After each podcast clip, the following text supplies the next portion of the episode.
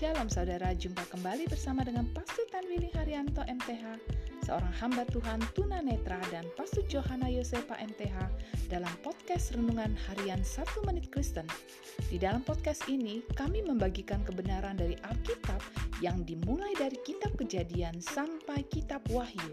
Selamat menikmati.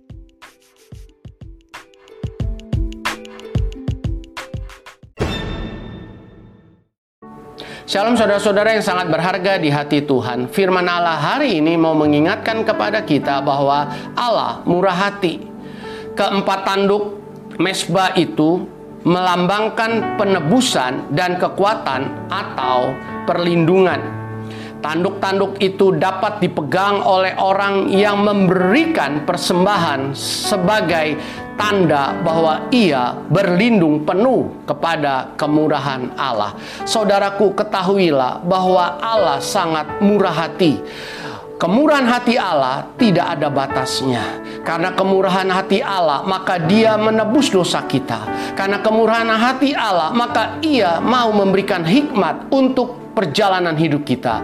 Karena kemurahan hati Allah, maka Ia mau memelihara hidup kita dari hari ini sampai selama-lamanya. Untuk itu, andalkanlah kemurahan hati Allah, maka perjalanan hidup kita pasti menjadi baik. Amin.